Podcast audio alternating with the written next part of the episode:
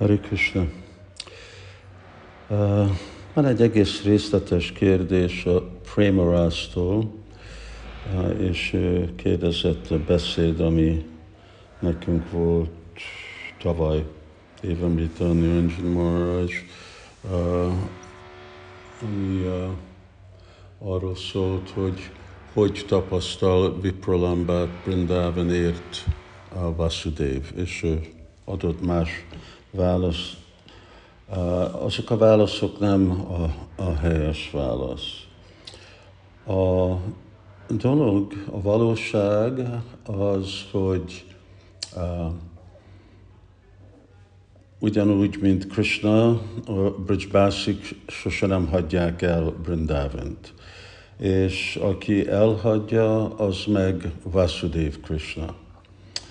A Vasudev Krishna, amikor Dvorkába megy,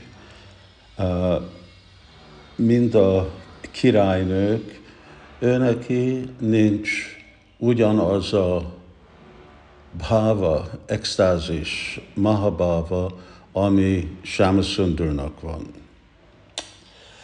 Szóval ő érzi az eltávolást Brindavantól, de ö, nem úgy érzi, mint ahogy Krishna, aki sosem nem hagyja el Brindavan, ahogy ő érzi, amikor mondjuk ő csak úgy uh, elmegy uh, tehen, uh, tehenék, tehenekre uh, gondoskodni, és távol van Srimati Váruránitól. Mert ő neki egy magasabb szintű extázisa van, ami Mahabhava.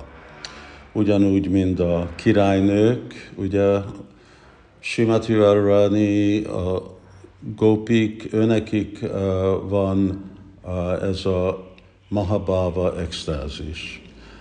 De uh, ez csak Brindavanban tapasztalható. A királynőknek van az alatt levő dolog, ami anurag, de extázis ezen a szinten ez az nincs.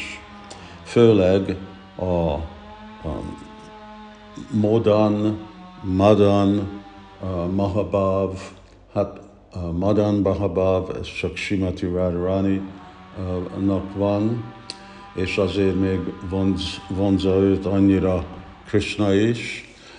Ezek nagyon nehezen magyarázható extázisok. Rupa Goswami mondja, hogy még a nagy szentek se tudják magyarázni vagy érteni.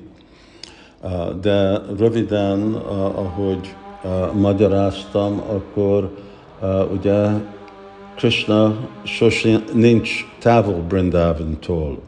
Szóval ő nem tapasztalja az extázist, a távol létet Brindavantól, mert ő mindig Brindavanban van.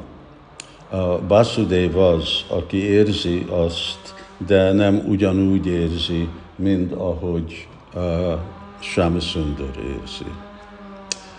Röviden ez lesz a mai magyarázat, remélem ad egy meditációt a baktáknak, és Hari Krishna.